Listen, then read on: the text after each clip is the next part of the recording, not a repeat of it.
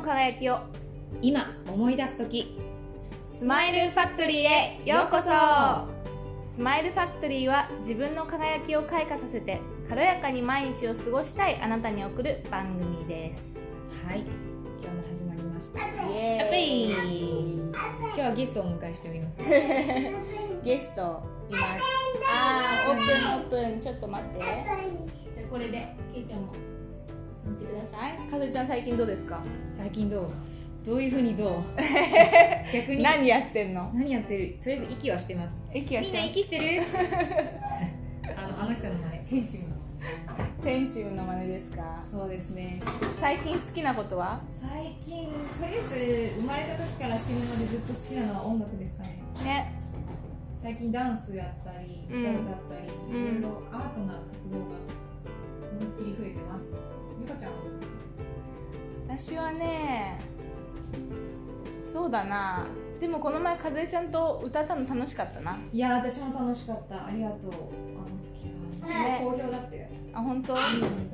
インスタにねかずえちゃんあげてたけどね。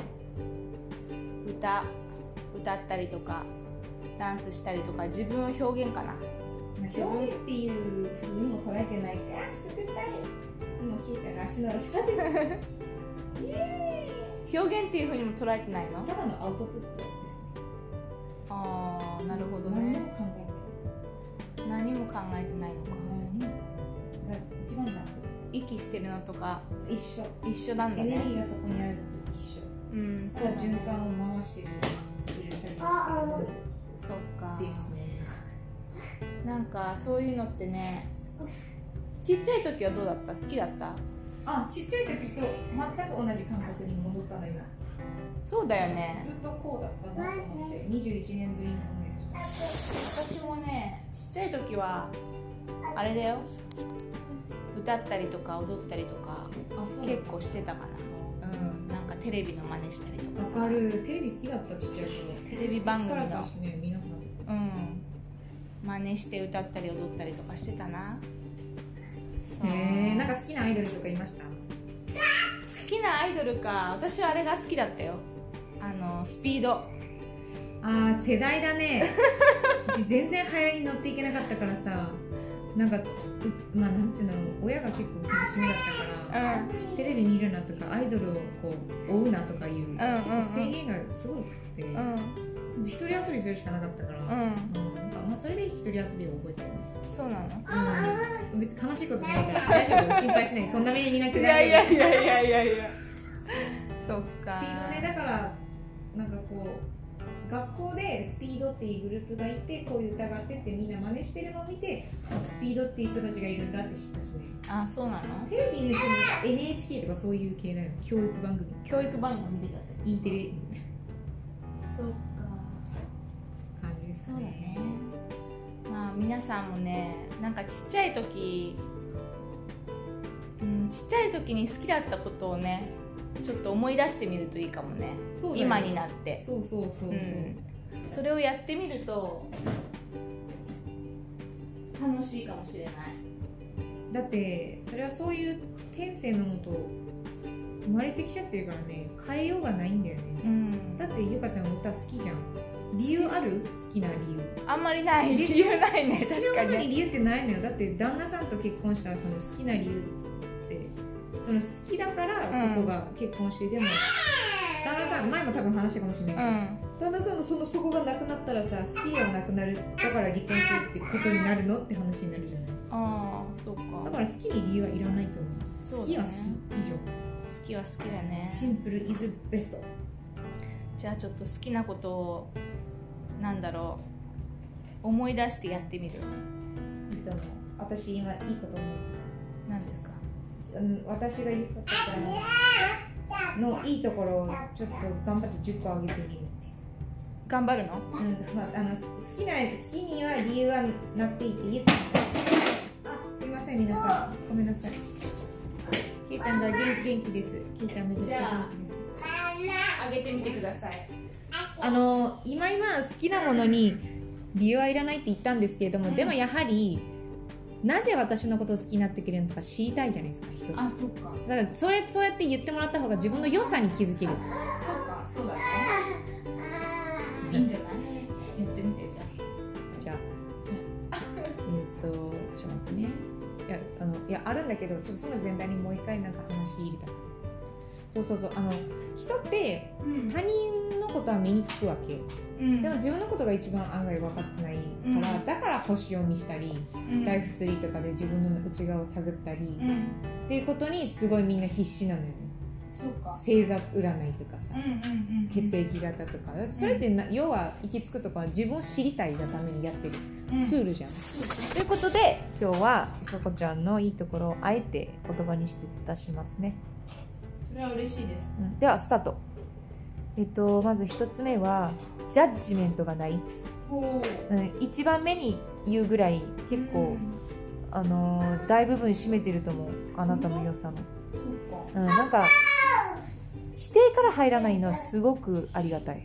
そ例えば私が悩みとか、この間もなんかちょっと電話したじゃん、ちょっとなんか泣きそうな感じで、うんもうねそういう時にも「あそうなの?」ってこううん。受け入れてくれる感じが、うん。もう母親だよね。私のママみたい嬉しいね。なでも私の実際のママはそういう人じゃなかったから。うん。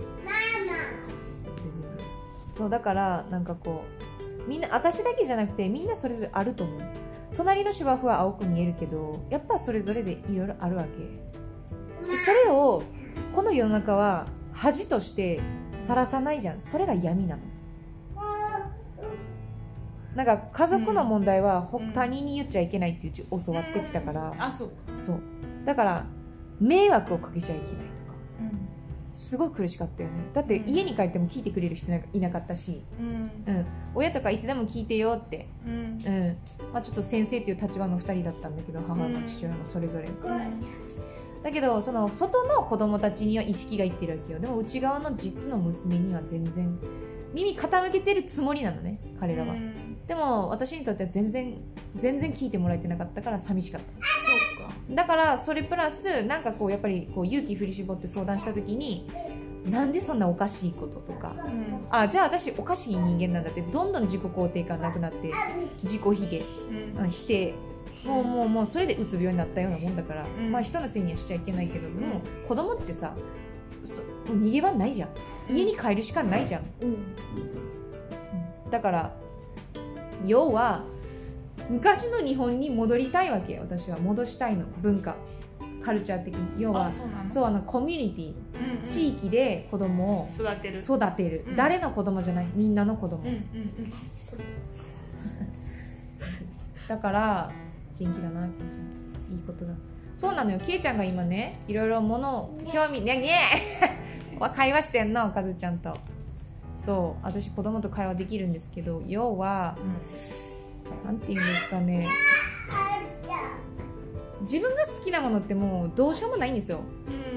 うん。歌とか好きだしうん。歌いたくなる。音楽聴いたら踊りたくなる。でも街中で体がお踊っちゃうとうんななんていうのかな踊るなって。言われたの？気違いみたいな,、なうん。なんていうの？人の目が気にならないのっていうか、うん。いや人の目うんぬんち私が楽しいことをなぜリスペクトしないっていう、ん。すごく悲しかった、そうか。うんまあそうまあ、そういう経験もあったから、うん。そういうのもありきのまあゆかこちゃんに話をしたらね、うん。こうなんか否定されずねとりあえず受け止めてくれる。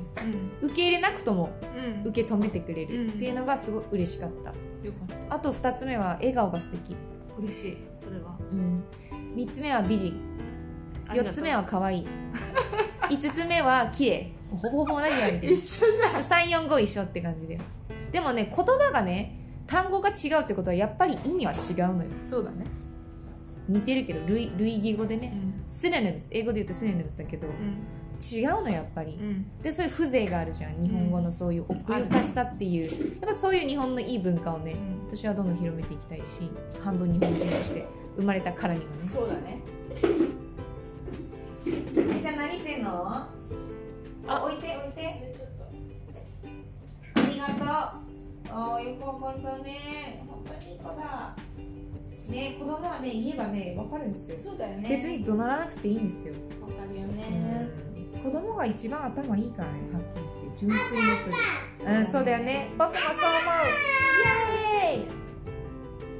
そうなんですよ。だからまあ私はもし仮に自分がまあ今は子供を産む気はないですけどうん。あの将来ね親になる時があったならばもう必要最低限の道しるべしか教えず本当に命を落としそうとかうん。なんていうのかなそのうーん危ない身の危険がある時にこうそっと手を添えられる親で入れればいいなと思ってるんで。うん。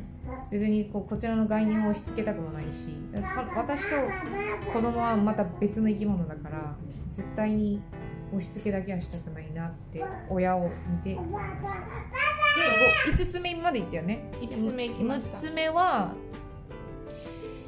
そうね保育園の先生してたのにうん正直に正直にこの間私実実は子供と遊ぶの好きじゃそんな好きじゃないって言わなかったっけ？それを正直に言えるあなたの強さ強さとも捉えてないと思う。だけど世の中の人ってプライドで先生してたから子供が好きっていう嘘をついてる。そういう仮面かぶってる人がほとんどなのよ。だからえ6つ目は正直素直。正直素直ね。で吸収力が高い。うん8つ目。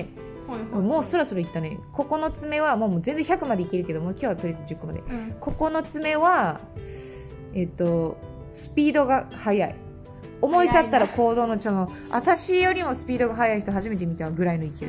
もうやろうみたいな。しかも生き急いでるかのように動画を撮るときにこっちなんかねこの間のな歌歌った時もさ なんちゅうのそのセッティングしてないのにもう動画始めてやってるからさええどどうした？みたいなっていうぐらいのなんかスピード感。だから思考の現実化が早いよね。イメージ力も高いしはっきりしてる、ゆえあのやっぱり実現の力もものすごく高いと思います。だから私たちはこういろいろ組めるんだと思う。嬉しいです。ポッドキャストで。じゃあ10個目何にしますかね？一番最大級の醍醐味をさいラストに持ってきましたうーんまあ子供が好きってところかな。そういうことです。遊ぶの好きじゃないかもしれないけど子供の存在が好きなんじゃない？子供の存在はねもう大尊敬ですよ。そもそもなんで先生になろうと思ったの？保育士。それはねあのね中学校のあの2年生ぐらいかなの時になんかね中学校の時に14歳の挑戦っていうのがあったの。ドラマ？うん違う違う。母だ14歳の挑戦っていうなんか職業体験？職業体験をするところが時があってその時にあのー幼稚園の幼稚園にさ5日間行ったんだよね職業体験で。あ5日間も行ったの？そうそう5日間毎日行くっていうのであのスーパーに行く人がいたりとか、ケーキ屋さんとかなんかいろいろあったんだけど、保育園？幼稚園かに行って、うん。でその時にあなんかすっごい先生大変そうだったの。うん。だけどなんかあーでも嫌いじゃないかもっていうそのなんかあのー具体的な職業が思い浮かんだというかかね。へうんその時ね。そうイメージできたね。そうそれですごいなそれであのーなろうと思ったかな。はうん。あ羨ましいなそうそ何になりたいとかなかったもんね。そうでなんかだいそのなんかその進学するときにじゃあ教育を勉強してみようかなっていうふうになった、うん、そういうきっかけがありますね。なるほど。うん。私はちなみにやりたいことがありすぎて同時に何もなかったっていうわかるこの矛盾。うん、えでも何を何がやりたかったの？やりたいことがありすぎて。楽に行きたかった、うん。うんうんそれだけかな。でもほらなんかあったの？なんかさ。ああこれがしたいみたいな。あの幼稚園の時に、うん。幼稚園の卒業しのなんていうの自分用の写真？アルバムとか作ったんだけど、うん。その最後のページに絵絵描き屋さんになるってああそうなんだね。全然そのちゃんと分かって書いてるのか分かんないけど、うんでも次は歌手だったね、うんうんうんうん。その次はダンサーだね、うんうんでその次はホスピタリティを学びたくて、うん。ホテルホテルガールになりたかった。ほあホテルマンみたいなやつか、ホとりあえずテルがあるね。エンターテイナーになりたかった。そうなんだね。ちっちゃい時から。でもこれずっと隠してた。隠してた隠してたっていうかなんかテレビに出るのはダメみたいな親からそうなんか有名になるなあのおとなしく生きなさいって言ったから、うんそうそうそう別に目立ちたいくてやってるわけじゃなくて、うんただ人の喜ぶ顔を見たいし自分がその音楽好きで表現もまうんあそのも知らない間にやっちゃってるからアウトプット、さっきも言ったけど、だから合ってるよね、うん。そういう世界がそもそもが、うんうんうん、でしかも高校生の時とかもなんか周りでバンド活動とかそういう表現活動してる人の方がほとんどだったから友達が。私だけだったのよやってないの。なんでこういう人たちと一緒にいつもつるんでんだろうと思ってまあそういうことだよねっていう、そういうことか、うん、エネルギー波動は一緒だったから。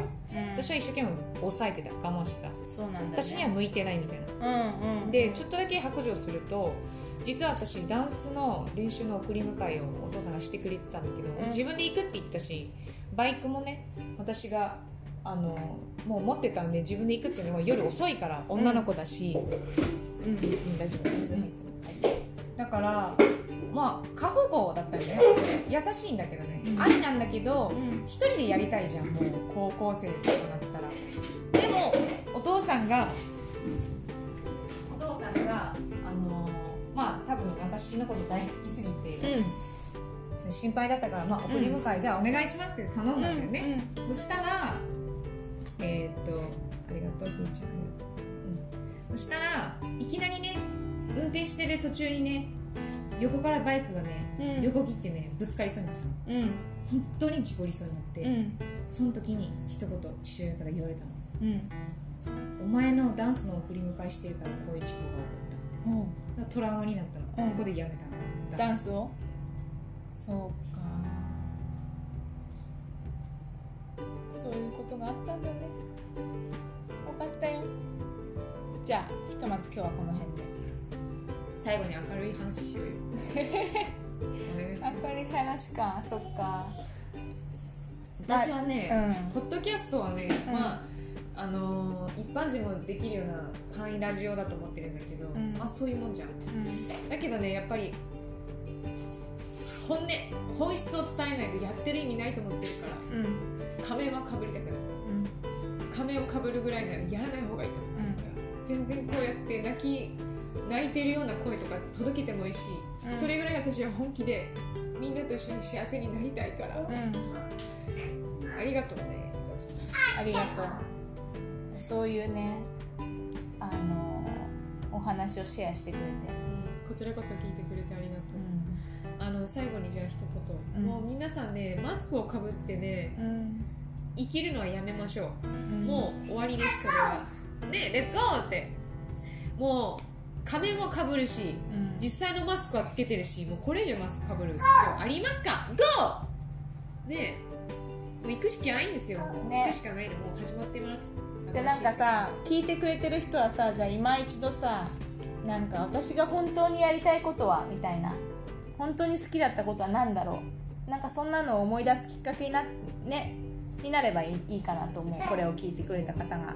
それが結局私たちのコンセプトにつながるよね、うんそうだね。あなたの輝きをね今思い出す時。というわけで本日はこの辺で。ありがとうございました。またね See you! バイバイ